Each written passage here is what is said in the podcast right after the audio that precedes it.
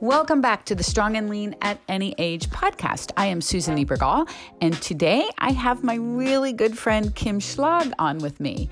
Kim and I do a lot of Instagram lives together, but it had dawned on me she's never been on this podcast. That was a huge mistake on my part, so I needed to rectify that immediately.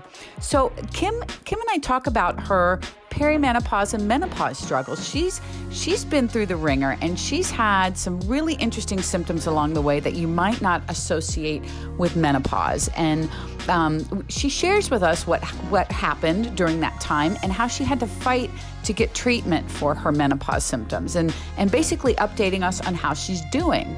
We also touched on something that's pretty prevalent right now with all of us being at home and that is mindless snacking. We hear about it from everywhere, and and for some people it's getting out of control. So Kim and I have a bunch of strategies for you regard, regarding mindless snacking. So go grab your coffee, put up your feet and take a listen.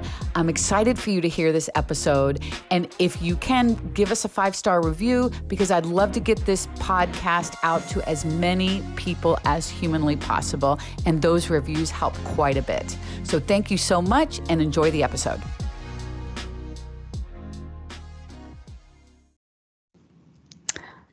All right. Hey there. Hi. Fingers crossed that this is actually going to work. How are you? I'm great. Great. Yeah, having a good day. Busy day. Yeah. I, you know, it's how how you guys doing with all this quarantine stuff over there? You know, I feel like we've really hit our stride. Like we've yeah. just hit a groove here. At dinner the other night with my family, I'm like, does anybody else feel like this is just normal? Like, how normal is it that we literally do not leave our home except to go to like our yard? Um, and all of us were like, yeah, it feels normal. I mean, we're we're almost at eight weeks. It'll be eight weeks this Saturday yeah, that we've been doing this. And so I would have thought by this point I'd be feeling like really stir crazy. And don't get me wrong, like I would love to go to a restaurant. I would love yeah. to go get my hair cut. There are yeah. things I want I would love to see my kids being able to get together with other teenagers. But generally, like we're in a nice rhythm. Like, you know, everybody's doing their schoolwork and I'm doing my work. My husband's doing his work and we join for dinner and we play games. It just feels like feels like some kind of new normal. That's amazing. I, yeah. I, I kind of feel like we're that way here with my I, am settling in with Mike home all the time now. I mean, it, it's a, it was a forecast of what was to come. Um, he's not going to grad school in Idaho, so that's I don't know if it would have been comfortable sending him to a place sight unseen with all of this going on, mm-hmm. you know, as well. So he decided not to do that, which I think is smart. So he's going to enter the workforce, I think, for a year and maybe study for LSATs and go into the into copyright law potentially. Oh. Um, potentially. And then Tim was going to retire in June, so this was like a preview of, I guess, what it's going to be like. I don't know. you have to get started on that early. But you know what I'm finding a little bit with all of this is um, kind of what you said. The new normal mm-hmm. makes me nervous. Like I don't like this feeling like the new normal. That mm-hmm. makes me very uncomfortable. Really? Yeah, yeah, and because I feel like I could be a recluse very easily, uh, very easily. There are days where I don't leave my house. Yeah. And, oh and gosh. It's, it's not that I'm yeah. not sitting. It's not, you know, I'm not sitting around or whatever. I I work out and I do these challenges and I do all this, but I don't leave my house and I'm like, what have I become? Yeah, you know? See, it's interesting for me, Susan. I've been that way for a really long time because I know you train at the gym. So you leave your house at least four oh, times a week, right? Right. But right. I train at home. I have my super sweet home gym. And so even before quarantine, this was somewhat my personal normal. But the big change for me is that I have all these other people doing it with me. But gosh, I could go, I could easily go four days without leaving my house, you know, for for I, that would happen on a regular week, you know? Yeah. Unless one yeah, of my kids needed me to pick them up somewhere because I wake up, I work from home, I train from home, we eat a dinner here. And so this is not super new for me, that part. What's new is that I've got all of my kids and my husband here and that we really can't go to any of these other places, you know, intermittently. Usually on the yeah, weekends, yeah. I would leave home. yeah, yeah, yeah, yeah, yeah. Yeah, it's just it's crazy what's been happening. But yeah, I mean, you and I we're so connected to other people online that I don't yeah. feel I don't feel disconnected from the world because that's a normal part of my life. Well, you know, that's really interesting. You're right. I, you know, most of my friends are online and I and I really feel like, yeah, we're connected all the time. I mean, yeah. a lot of us communicate in some fashion every day. Mm-hmm. Um, So yeah, yeah that, and working from home, yeah, that's nothing new. But you're right. It's Yeah. having it's having a full house like this video I put up on YouTube yesterday. The intro, I just kept it because it was classic at home quarantine life. I'm trying to record the intro. I don't know what to say, so I'm like, you know, I'm like, mm, meh. and then you hear Mike in the background. Hey, mom, dad's ordering lunch. You want a salad? That's how my video opened. That's so funny. Susan, I've had that in my videos recently. We actually, my video editor kept it in. I, I'm trying to film a video in the kitchen, and my one son came through with fishing poles. And I'm like, what are you doing? Like, I give everybody notice. I'm like, I'm minute, a filming. Don't come with, with fishing poles. Yeah, he that's what he does to keep his sanity. He goes fishing. And I don't know why you need more than one oh. fishing pole, but he often has two. So he comes walking through with his fishing poles. I'm like, what? Okay. So I restart, and then I find out later that my other son, I'm finishing the video. I've been at this for a long time now, and I hear the ice machine going right next to me. I'm like, what are you doing? And so I finish I look at him, I'm like, what are you doing? He's like, I just needed a drink. I was being quiet. And I'm like, okay, you're like half a foot from me. You couldn't wait? And he's like, and by the way, I think I'm in your video. I was like, what? Sure enough, I look by, he peeks over my shoulder and like backs off. So my video editor kept it in and actually like closes in on his face Yeah. and writes, he's, she's like, hi, son. of I'm like, course. come on. Yeah. They're always, they're always like walking in. I'll be on calls. But you know what? It's like hashtag quarantine life. I mean, Yeah. right? Yeah, one of my kids walked in front of my my husband's business call, like Zoom call, in his underwear. Just walked right on by. Just walked right on by. Hello. Hello. Tim was on a, a school call and heard me in the hallway call the cat. And he's like, Could you not call the cat when I'm on a call? Because now all of his kids are like, Who's that? What is that? It's Miss B. Yeah. What is that? Anyway, oh my gosh. We're all in each Oh. other's business. we are all in each other's business absolutely you know one th- so whenever you and i get together we end up talking about whatever i mean on our lives it just whatever goes but w- on this one thing i really wanted to talk about and and have you start is your your experience with perimenopause because you kind of went through the ringer of uh, all the symptoms that you had and everything so I, let's just start with that maybe starting Okay. with just uh, describing kind of what was going on with you and, and the path it took you Yeah, sure thing. So I want to say first thing before I start telling you about some of the stuff that was happening to me is in real time, I didn't know that any of these crazy things were connected to perimenopause. yeah And so keep that in mind as I explain this like weird bunch of symptoms. I didn't know what was happening. And that was the scariest part. And now I'm 49, and this all started when I was 43. So that's a really long time to be dealing with this stuff. for sure. The very first symptom I had was vertigo. I was at the gym. I used to work out at a gym, and I was on the treadmill, and the world just started spinning. And I was like, what in the world is that? And you know, I was going through a very stressful time, like some crazy things had happened in my life. And so I was like, you know, I was like, am I having a heart attack? Like what what's going on? And so I tried to sell, I had to go, a friend of mine, luckily I was sitting in the lobby with my head on the table because I couldn't drive and I didn't know what to do. And I saw somebody, I'm like, I think I, I think that's my friend Deb. And so I'm like, called her and she's like, what's wrong? And I'm like, I don't know. She took me to the emergency room oh took me to the wow emergency. Yeah, she took me to the emergency room and I was there and they gave me fluids and they tried to figure it out and nothing was wrong. And they're like, we think it was just vertigo. You know, maybe it's the thing where you have a crystal in your ear. And so we we we worked through that and eventually it just went away.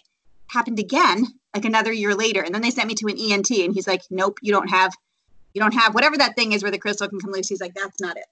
So that was my first bout of weirdness. And then I just didn't know what to do with it. And that crops up for me a couple of times a year. Like to this day, I will occasionally, and when it hits, like I'm just incapacitated. Um, and it's a very, and I had no idea that that is a menopause thing. was so that, that by was the way remember at the retreat when you when you had some symptoms at the retreat do you think that was part of that I think it, I think it might have been part of that. yeah It wasn't a spinny episode that time, okay. but it's very similar otherwise, and Okay. it really could have been. yeah yeah yeah It really, yeah. And do you see, like, I was totally fine, and then I was really not fine. Like Yeah. really not fine. Like I need to lay down in public. like that's Yeah. that's a pretty high level of not fine. yeah Like I'm at this thing. I couldn't wait to be here, and now I'm laying on a bench. like Yeah. it just knocked me out.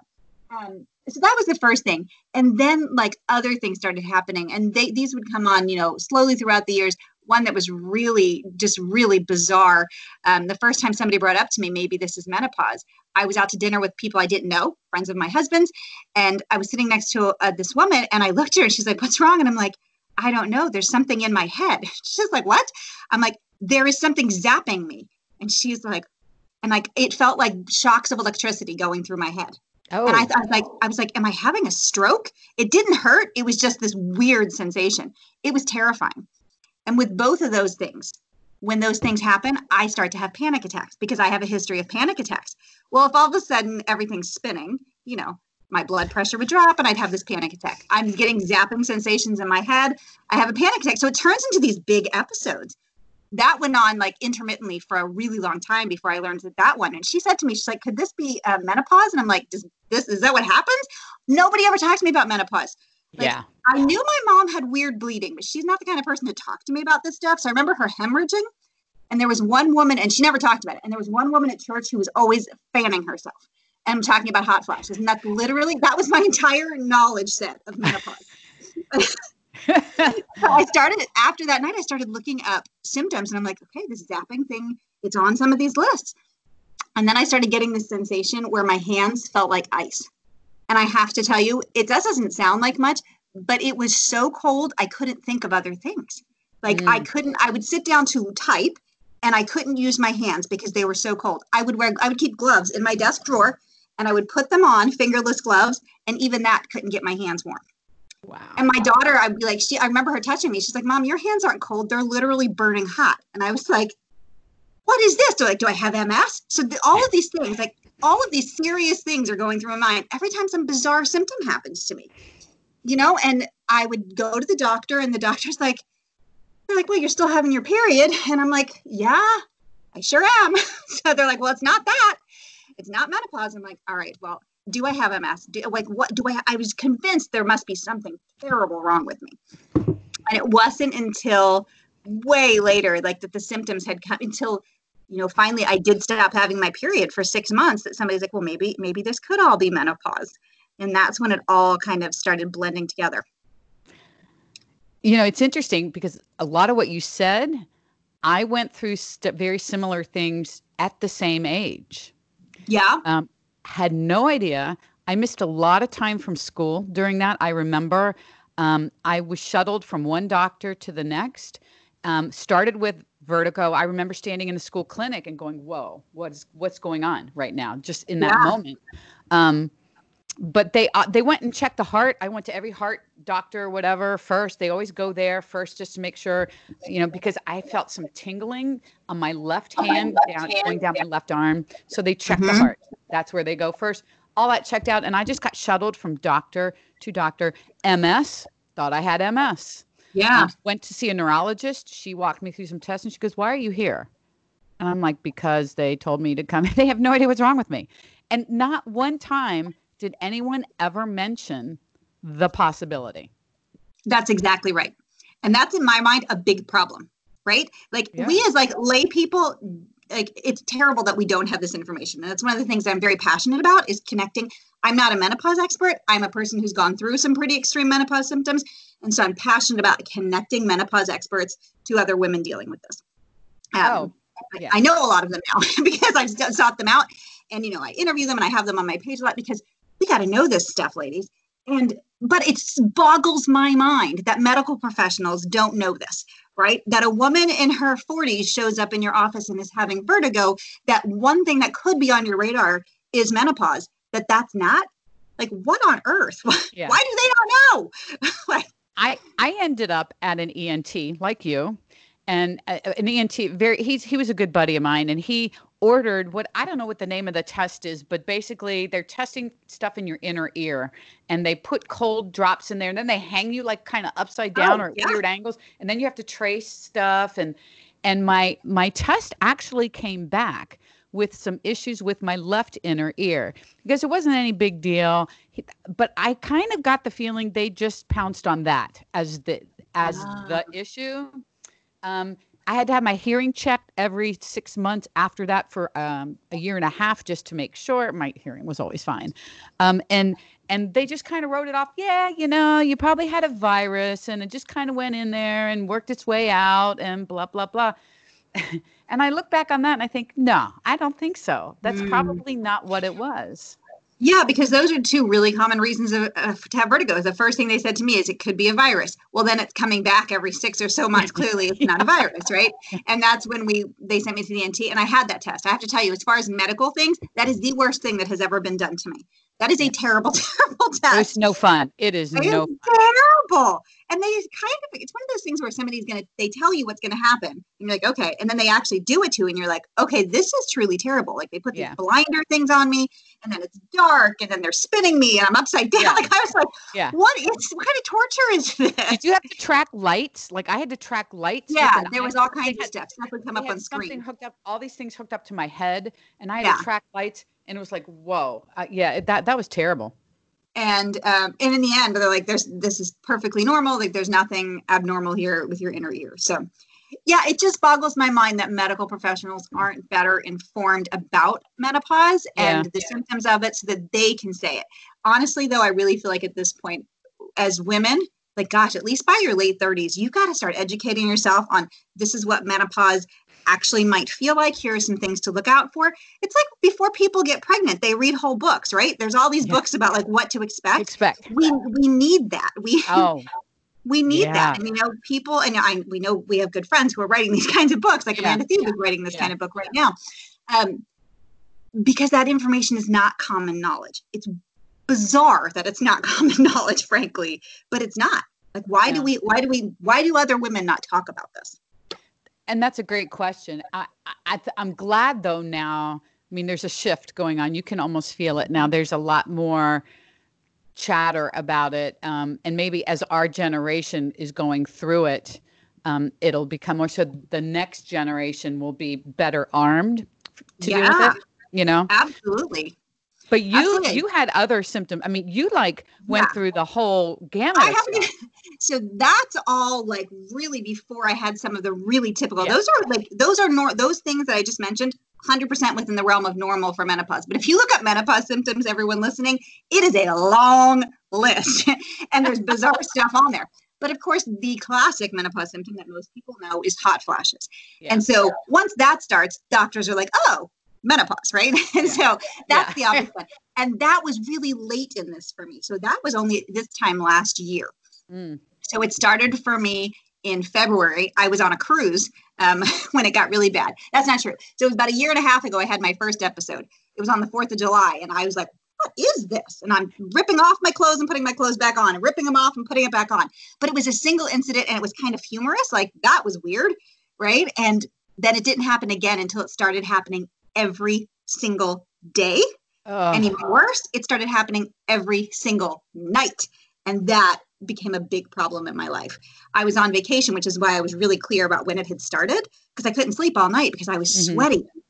And after weeks and weeks of it, I was like, this is nuts because we're not talking like once a night, which is bad enough, frankly. Waking up once a night is not good for your sleep. But I was waking up dozens, dozens of times like I would go from being solidly asleep to I am soaking wet and burning on fire. Like really, it's hot, ladies. It is not. I don't get that flash word. Like it's yeah, not, yeah, yeah. It is not like boom. No, yeah. It's like burning, like so hot, like you can't think straight hot, and you're wide awake, and then it passes, and it's fairly quick, but it's enough that you're really awake and you're very wet. yeah. so there you are in, in your wet and your underwear is wet and your bed sheets are wet. And so then I'd be changing my clothes. I'd be yeah. changing throughout yeah. the night. Okay, do that dozens of times. How much sleep have you gotten? Like none. Not much. None. And it went on for months. It was February until May. And wow. that's when I finally went to my doctor to talk about um, what what we could do about this. Yeah, I mean, it, quality of life becomes non-existent almost. I mean, it's just you're you're doing whatever you can just to function every day. Absolutely. And during all of that, I was running a business. My business really had picked up speed. So I'm running my own online business and I've got three kids and a husband and I head a volunteer organization at my church and oh my God. all of this stuff is, and yeah. and bizarrely I had started a fat loss phase right before this that was very public. Like I was doing it on my stories. And so I just kept thinking it wasn't going to continue. As far as the hot flashes, I was like, well, clearly that's going to stop, right? And it was finally I'm like, I don't I don't think this is stopping. And I'm like, I should probably not continuing on in a fat loss phase here because that was pretty that was not great timing. So it was a long three months of that is a long time. Yeah, my gosh, it is. I, I remember having the night sweats. I didn't have the hot flashes during the day, but night sweats. And mm-hmm. I can mm-hmm. remember changing clothes. I can remember, you know, couldn't change the sheets in the middle of the night because Tim was there. So I would like put a towel down or something, you know, just mm-hmm. so I'm mm-hmm. not laying in absolutely wet, wet sheets. Good strategy. I mean, yeah, that's what I did too, Susan. Yeah. I'm like, I can't change the sheets because then I have to wake my husband up. Yeah. So I, yeah. I would, I would sleep with a towel under me. Yeah. Change my towel. It's crazy. Yeah. And then to add, you know, to add to all of this, I went to the doctor in my mind prepared for this conversation because as this was kind of really coming to a head, I started looking into hormone replacement therapy. And there's so many myths about that out there, which again, I am no expert in. I've just read a lot about because I clearly needed some help. And um, I'd kind of gotten this idea that maybe doctors weren't necessarily just going to hand it over. like mm. that it might that it might be a bit of a problem and so i had looked on the nams website north american menopause uh, society's website and found out you know like what was good information and what wasn't and like yes like even though i wasn't i was not a year without a period ladies i would only been six or seven months at this time um, that it was still an appropriate treatment for me based on my symptoms and i was aware of all of this and so i went in and my doctor said no she wouldn't give me the medicine and I was like, why? Did she say why? Because I was not a year without a period. Oh. And I said, oh. but I said, but look at my symptoms. Like I was crying. Like when I, when it became very clear that she was not just going to give yeah. me that medicine, I was crying. and I was like, wait, I was like, I've just explained to you basically hell. And you're telling me that because I haven't had my my whole year without a period yet. She's like, well, that's when menopause officially starts. And I'm like, I don't care about official start dates based on like regulating but like like i said the north american menopause society people have said that this is an appropriate course of treatment and you should know this why do you not know this and she's finally she agreed to give it to me she's like you might have you know some heavy bleeding on your periods and i'm like i don't care what kind of bleeding i get on my periods i can't sleep like yeah. that's the least of my concerns yeah. and she did give it to me and i went out to the car and i was sobbing and i called my friend amanda thebe who's like menopause warrior and I was like, you're not going to believe what happened. And so she kind of talked me through it all. And um, that's when I was like, I got to help educate more women and get more women in contact so that when they show up at the doctor, they don't have that same kind of experience. You know, that's such a great point because you went in there assuming that the mm-hmm. doctor would treat the symptoms and not, oh, you didn't check this box. We're going to have to wait.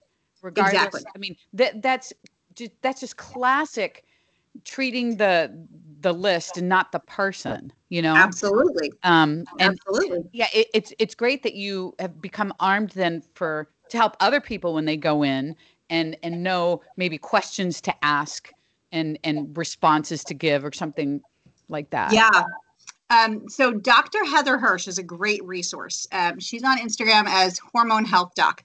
Yeah, um, yeah. She has a great resource out right now. Um, think it's called my. Mm, it's a, the whole point of it is a book to get you ready to go to your doctor. It's like a little workbook. Oh wow, perfect. And, how, and there's even a letter in there to your doctor from her. She's a mm. doctor at Harvard, eh, basically saying like blah blah blah. It's like I was like, this is what I, I called her. I'm like, I needed this book. I needed that and explain. It talks you through so you're ready with your symptoms and like mm. that kind of stuff. It's really helpful. You know what? Send me the link to that because I'll put it in the description for this for everybody. Okay. Yeah, yeah that, that that would be amazing boy, would that have been great, right? Right? yeah, I think I would not have been crying. I think I would have felt like, and I did, and I really had been a person who had researched this before. And thankfully I was, or I would have walked out of there thinking, like, oh, yeah. I'm just, this isn't for me. Yeah. Um, but I had read enough to know that it could be for me. so, yeah, so it's it's all about education. It's so important for us to be educated on menopause. And so, how has it helped you? The HRT? Yeah, yeah, yeah. Oh gosh, it was like night and day. So I started hormone replacement therapy, and specifically, what I did, um, I have an estrogen patch. It's a little round circle. I put on my um, my abdomen twice a week. I have to change it, and then I take a progesterone pill. The progesterone pill you have to take if you still have a uterus, so you don't get cancer. It prevents uterine cancer. If you still have an intact uterus, you have to take that with the estrogen. So that's what I started, and within a month, one month after this started, my hot flashes went away Wow. I didn't know it would work that fast. I'm so happy. Like the first night I slept through the night, I was like, new life was breathed You're into like, me. What is that? and I was like crossing my fingers. I'm like, please happen again. Please happen again. And now yeah. I almost never have, I, I don't think I've had a night sweat ever again. knocking on some wood here. And I've had like a random hot, hot flush, like barely rememberable, like just super, not yeah. much. So for me, it was life changing. Yeah. Oh yeah. my God. Yeah. Quality of life. Yeah. And she was right. I have had some more like more breakthrough bleeding and stuff, but I just it, it is what it is. I will take that over not sleeping. Hundred percent. Wow. Right? Yeah. Oh my God. And all through that time, which kind of will shift gears here a little bit, how that affected because I know you you, you were still training and, and, and all that and how how that affected or did not affect your training or just training through issues. How did you do that with no sleep? So, I, um, you know what, Susan, for me at that point, it just wasn't even a question. Like, this is what I do. Like, yeah. I train. This is yeah. important to me. This is important to my health. I train. Now, I will tell you, I had a lot of crappy training sessions. I did because I had no sleep. Yeah. Was I setting PRs? I was not. I was, you know, there were days that I would go in and just like just slog through it. And it just was not things were not moving fast, things were harder. And you know, there were days maybe I just, you know, clearly I was not bringing the intensity, but I just did it. I yeah. just did it. Um, it would have been a wiser choice to be like, uh, I shouldn't be doing a fat loss phase right now. That would have been smart. so, but you know what? I just, I really didn't think it was going to last. Like yeah. I just kept thinking the next day was going to be fine. It was going to so, be better. Everything's better in hindsight. You know, I think um, what's really cool about what what you just said regarding training is you can apply that habit that you had already started before all of that happened to mm-hmm. whatever circumstance or whatever diagnosis you have or whatever that that doesn't have to change because i think people mm-hmm. think you know PCOS comes to mind. You and I both get a lot of questions about something like that and how much more challenging it can be to lose weight, even get lifting sessions in or, or whatever. But how the habits that we create along the way are what drives us. And we talk about this all the time. That's such a great example of that. Yeah. Yeah. And you know, and that's the thing. Like I could have been like, ugh, I'm just so tired. This isn't going to be a good session. Let me skip it. Um, I will tell you, after a lot of my lifting sessions, I would lay down and take a rest, mm, you know, yeah. and I would lighten up the weight a lot. I just worked around it, you know. I used less weight, didn't bring the intensity, but I just kept, I just kept going. And you kept a promise to yourself, and I think that's part mm-hmm. significant. You know, the promise to yourself was, I'm still lifting, like I still have this schedule, and I'm mm-hmm. not going to let this or whatever fill in the blank um, affect that. And and i see a lot of that now especially with our circumstances now that mm-hmm. there's a lot of i mean it's okay not to want to go whole hog or everyone's unsettled. There's a lot of anxiety underneath all of our circumstances right now for a lot of people. And so it may not be the best time to go into calorie deficit. It may not be the best time to do something like that. But it's also not the time to let yourself sit back and not get off the couch every day. You know, yeah. that's not okay too. And I think a lot of people did that in the very beginning, right? I think we all kind of, I think we didn't think it was, was going like to last as long. It was like a snow day, right? or like I was comparing it to like that crazy week between Christmas and New Year's where it's like you know, you're just eating all the things and time means nothing and you're just hanging out with your family. But when it started to drag on, I saw people reacting in a couple different ways. One of them was to just keep like digging themselves into this hole of like, I don't shower and I don't move. And I just, you know, I work from my laptop under the blanket in my bed and eat all the things. Right. And then another group of people I saw is like, I need to get some of my good habits into my new situation. Right. I need to like bring the fact that like I do some kind of meal prep and that I have a schedule for my workouts, even though my workout is now with gallon jugs in my living room and not you know with a barbell like bringing like i need a schedule. I need to schedule my workouts all that stuff and people bringing those same good habits and making them work in their current situation. And those people are thriving. Yeah. I, I think that's a great point. It doesn't have to be perfect. And I think a lot of people get hung up on that. I was speaking to some woman the other day who's talking about joining the inner circle. And she goes, You know, but the situation I'm in right now, it's not great for food because of where she lives, who she's living with. And this isn't great and that isn't great. So I don't know if I should wait. I'm like, you know, that makes no sense to me because if you sit back and wait for the perfect situation to start anything, you will be mm-hmm. waiting forever because it's always going to be something. This time, There's always quarantine. it's true. There is always a reason why it's not a good time, and that's really evident to me with this quarantine thing. And one of the things I've seen is people are like, "Well, you know, I really struggle with sticking with my calories because I go out so much. Like I have all of these parties and these social obligations, right? And now those same people are saying to me, I really struggle with sticking to my calories because I'm at home all the time, time with all of this good food, right? And so it's like and so we've had these conversations. I'm like, hey, let me just like here's what you used to say to me, and here's what you say to me now. Like, what do you think? Like, what does that what does that show you? My one client made me laugh so hard. She's like, I think it shows me that I can never stick to a calorie deficit.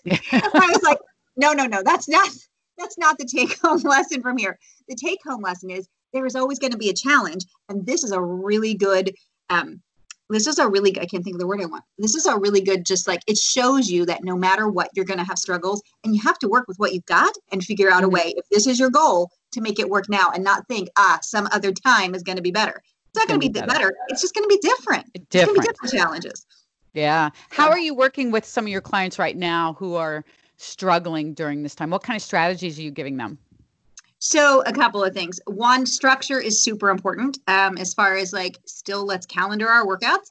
Um, let's plan our food in advance, setting up their environment to success. How many of us like went out that first week and acted like we were nine and bought road yeah. trip supplies, right? Like, do you yeah. like the yeah. amount of crap that we brought into my house?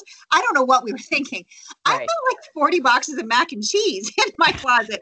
Like, I, what, what were we doing? I don't know what we did, but we just everybody did it. We bought all the baking, like we brought all this stuff into our house. And little by little, for in, for my clients, you know, as these things have dwindled, I'm like, hey, the thing that you're really struggling with, maybe don't buy that next time. Like, you know, whatever it is. Like, if it's that bag of chips, don't buy a bag of chips. Just because we're quarantined doesn't mean you have to buy a bag of chips. Right. And that's really been working for them. You know, they, they, they don't put the things in their house that they really struggle with. If they have kids, there are workarounds for that there are certain things I tell my kids, I'm like, you know what? We're just not bringing that in right now. We'll just get that another time. And then, you know, I find that there's so many things my kids like that could I could care less about. So we can have all they want of it. And so you make you make situations like that work. That's been a really big one for them. You know, and also just the mindset shift of this is not temporary. We're eight weeks in. That is not temporary. A week, yeah. two weeks, that's temporary. That's like a vacation. Maybe we could even go up to a month. That's temporary. This is no longer temporary ladies and gentlemen, this is our lives. so toilet paper is is is the thing still. So. I know it's so funny. It's crazy, right? You find that. I finally found some, and I was really glad. I, I keep going grocery shopping late at night, and it's all gone. Like every time I go. You know, I had a friend research why it's so hard for stores to keep it in stock, and there's an actual reason, and it has to do. I can't remember all the details, but it has to do with the manufacturers and how they how they make toilet paper in one grade versus another grade and they have to shift things around and it's it's crazy. But there was these excuses that that's why it's not coming but i, I don't I understand it people are crazy. I thought we just started something and now people are like so obsessed with like i'm not going to be able to get it. They buy too much. That's what i thought well, you know, it's interesting. We just found toilet paper for the first time randomly at a Walmart very close to here, mm-hmm. the one that we can walk to. I just was out on a walk. I said, ah, let me go in there and just see. And where the big hole was for toilet paper, there was now it was now stocked with like the good stuff too. It wasn't like the the tissue paper single ply. Whatever. It was the Charmin, right? I mean, I'm sorry if any anyone out there likes Scott's, but that stuff is awful. Yeah, same thing here, uh, Susan. Oh, when I finally found it, there were the whole aisle was empty except for there were five really big, expensive packs of Charmin. I restrained myself and only bought two. I'm thinking surely somebody else is going to be excited to see these. So I bought two 12 packs and I was so glad that I could. Yeah. Yeah it, it's um it's been an interesting situation for everybody and how everyone's dealing with it very differently especially with underlying anxiety i was telling somebody i feel like on some days i am stuck between feeling sad about what's going on and irritable. I'm both. I'm in yeah. this this never neverland and if the gyms were to open, you know, I go to the gym. And so if the gym gyms were to open tomorrow, there's a part of me that'd be like, cool. And then there's a part of me that's like, nah. You know, I mean, that's kind yeah. of where we're just I'm floating. Yeah. You know, it's like this is the new normal. I don't know. It's very unsettling. I think you're right. I think a lot of people feel that same way. And you know, that anxiety and the emotional stress and distress like like the fact that people are missing their graduations and they're yeah. all these things that have really you know people are really struggling emotionally and so that's the other big thing that i work and this is something i work with my clients on all the time it's just now there's a lot of it to deal with is emotional eating mm. um, stress eating, that's a huge factor at play right now. And boredom eating, right? There's another piece of emotional eating. And so we spend a lot of time talking about what do we do with that? Like, if your goal is to at least maintain your weight, what are we going to do about that? If it's to lose weight, we got to dial it in even further. How are we going to handle boredom? How are we going to handle I'm sad? And so we talk about that kind of stuff to get good systems in place so that they're not, you know, sabotaging themselves. What are you recommending for mindless eating? Because there's a lot of that. I mean, that's yeah. So specifically, like mindless as in boredom eating. Yeah, yeah. Just yeah. not even thinking. Subconscious. You're standing up, going over to your snack drawer or whatever. Yeah. So a cup one is you know stocking what is going to serve you, not stocking the stuff that's not going to serve you. So that's number one. The second thing is being really present with your hunger and fullness cues.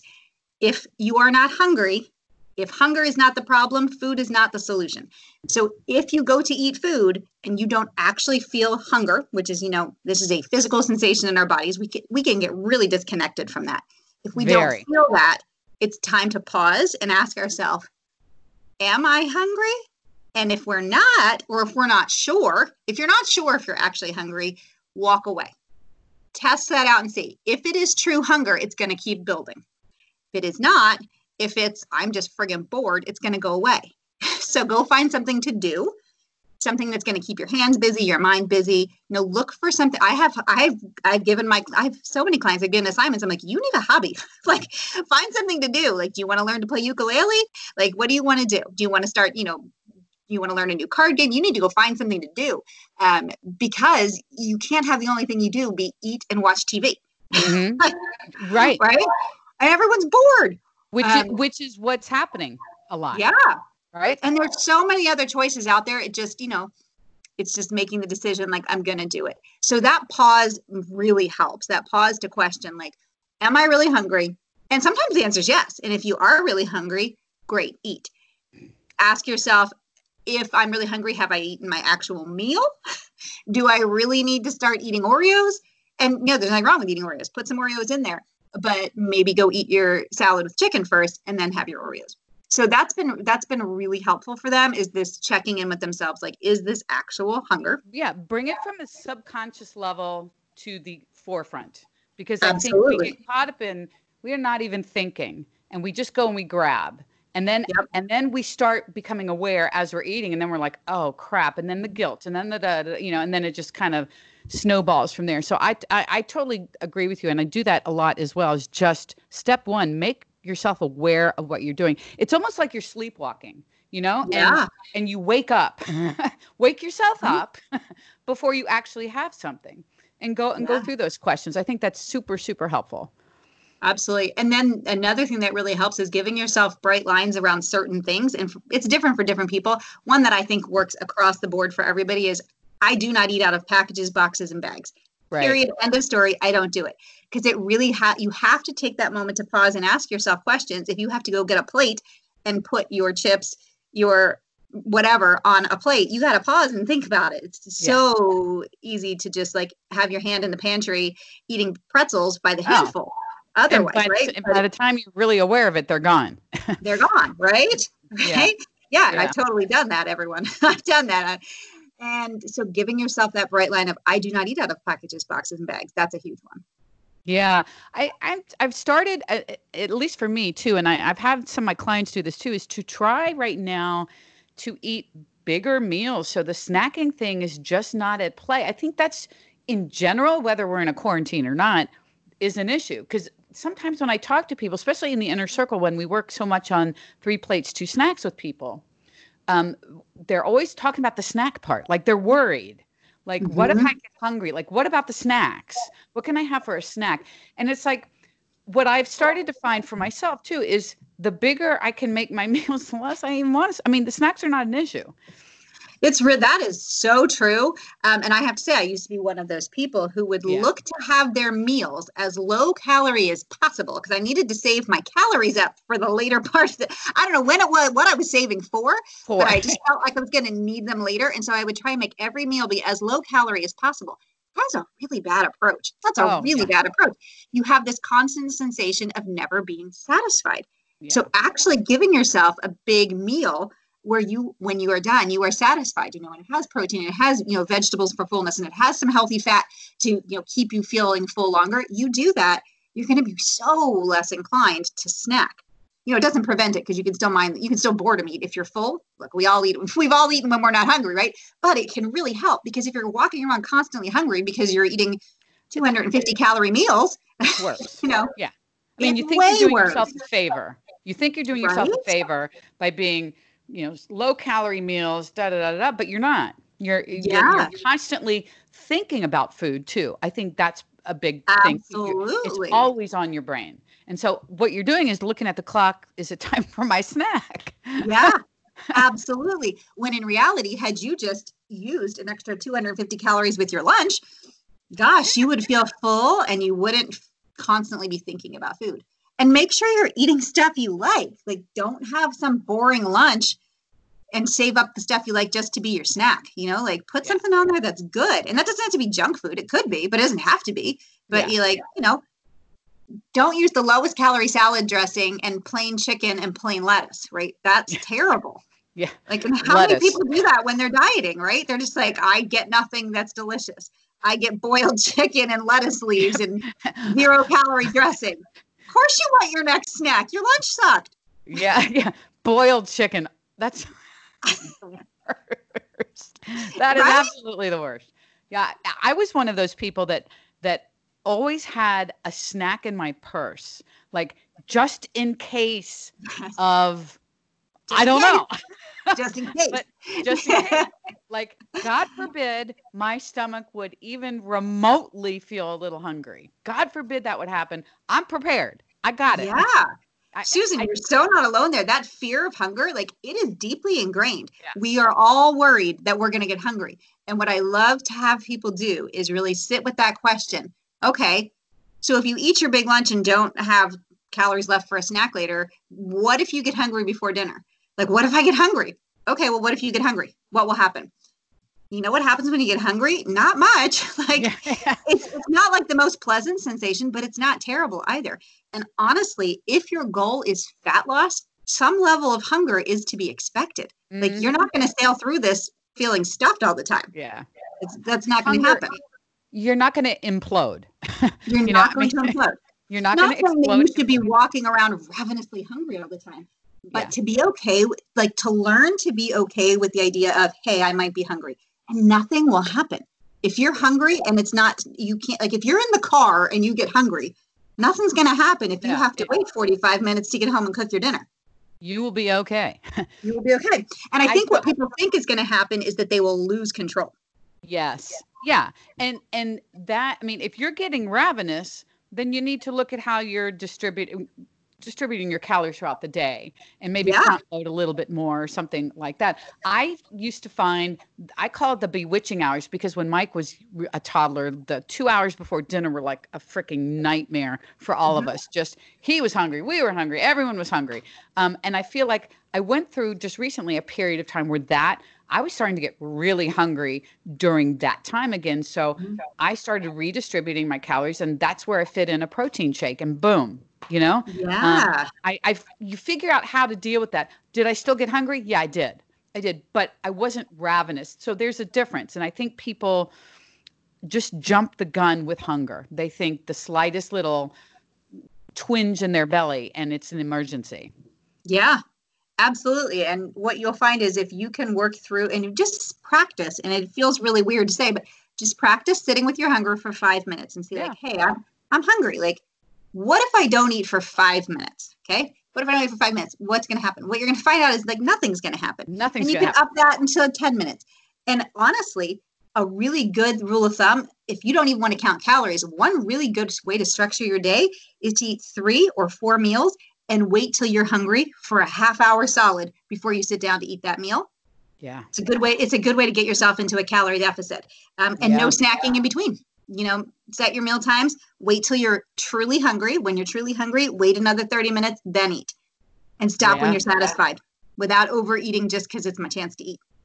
yeah. Right, right. Right. Right. Yeah. It's fascinating how, how we're not we're so uncomfortable with that. And you know, one of Jordan's famous quotes is, "You, you got to be, you got to be ready to be uncomfortable." You know, um, you have to be comfortable with being uncomfortable. I mean, that's part of the deal. Um, yeah. But I think people will go to extremes. It's not ravenous. That's another separate issue. But I, I think sitting with it, and that's such an issue. Every single person I talk to has an issue around that to some degree or another that's driving these calories that they're not counting that they're mm-hmm. saying i'm only consuming 1300 calories or whatever the number low number is when the reality is no they're actually consuming more because they're getting in these things because they're this hunger is they can't deal with it mm-hmm. yeah and and some of the things we've talked about here really can help with that you know yeah. setting up your meal so that you actually sit down and enjoy your food and it fills you up and you're super satisfied. Yeah. Can really help with that you know waiting to eat until practicing waiting to eat until you're hungry and not being afraid of hunger. You know hunger yeah. is just not that big a deal. It's just no. not that big a deal. Um, and all of those things it's important to remind yourself all it takes practice and you get better at it. You get better at it. Like that's a, none of that is intuitive no, and it's not a switch you're going to flip. It's not going to be going from off to on and with no issues. Like there, there'll be times where it doesn't work out so well, and then there are going to be times where you feel more confident with it. And it, you know, it, it's like you said, it's like anything else. It's a skill. You have to learn it and you have to practice it. That's how you get better mm-hmm. at it. Absolutely, yeah. And when you have a goal to be like, hey, I'm gonna I'm going to not snack all day long. I'm going to eat three meals and I'm going to eat till I'm full. And then you totally do something opposite of that. Like to yeah. remind yourself, like, okay, uh, now I'm just going to move on and do what I wanted to do originally without making it a big thing, without like making yourself feel guilty or like I'm such a failure or what's wrong with me. I always remind my clients, this is all just practice. Like you can't mess this up. Everything we're doing is just practice. practice. And you're, you're, you're practicing, you're practicing yeah. to learning how to eat a different way and you're not going to get it right. Don't expect you're going to get it right all the time. And when you don't get it mm. right, it's no big deal. You just move on and you've probably learned something. Mm-hmm. A hundred percent. That is absolutely correct. I love it. This has been amazing. As always, usual. super fun to talk to you. Oh, it's always fun to talk to you. T- if tell everyone in case people are living under a rock and maybe in a quarantine rock, I don't know. Um, but if they don't know wh- where they could find you, where could they find you when they get out of their rock? When you come out from under your rock, look for me here. look. So Kim Schlag Fitness. I'm going to spell my last name because just like Niebergall, nobody can spell my last name. S C H L A G. So Kim Schlag Fitness. You can find me on Instagram. Um, you can find me on YouTube, doing a lot on YouTube these days. You can now even find me on TikTok. Love it. So yeah, that's the best place to find me. Amazing. Well, thank you. And I'm God, I am sorry and embarrassed that it's taken this long for me to do this with you here on my podcast, but we will we uh, okay. really want to do it regularly. Like Oh, we totally should. Bring, bring you on regularly. I think that would be oh, I would amazing. I would love it. I would, I always love hanging out with you. You can also Love find me live with, with Susan intermittently, you know. Yeah. Doing, doing crazy stuff, acting silly on our lives on Instagram. uh, I have another opportunity for hair coloring, so we'll see. hey, we're gonna we're gonna convince Tim we should do it live one of these days. Yeah. We'll have Mike do it. He'll come live. yeah, yeah, he'll do it. He'll do. He doesn't care. He'll do anything. All right, my, All right, my friend. Take care. Love you. Okay. Bye.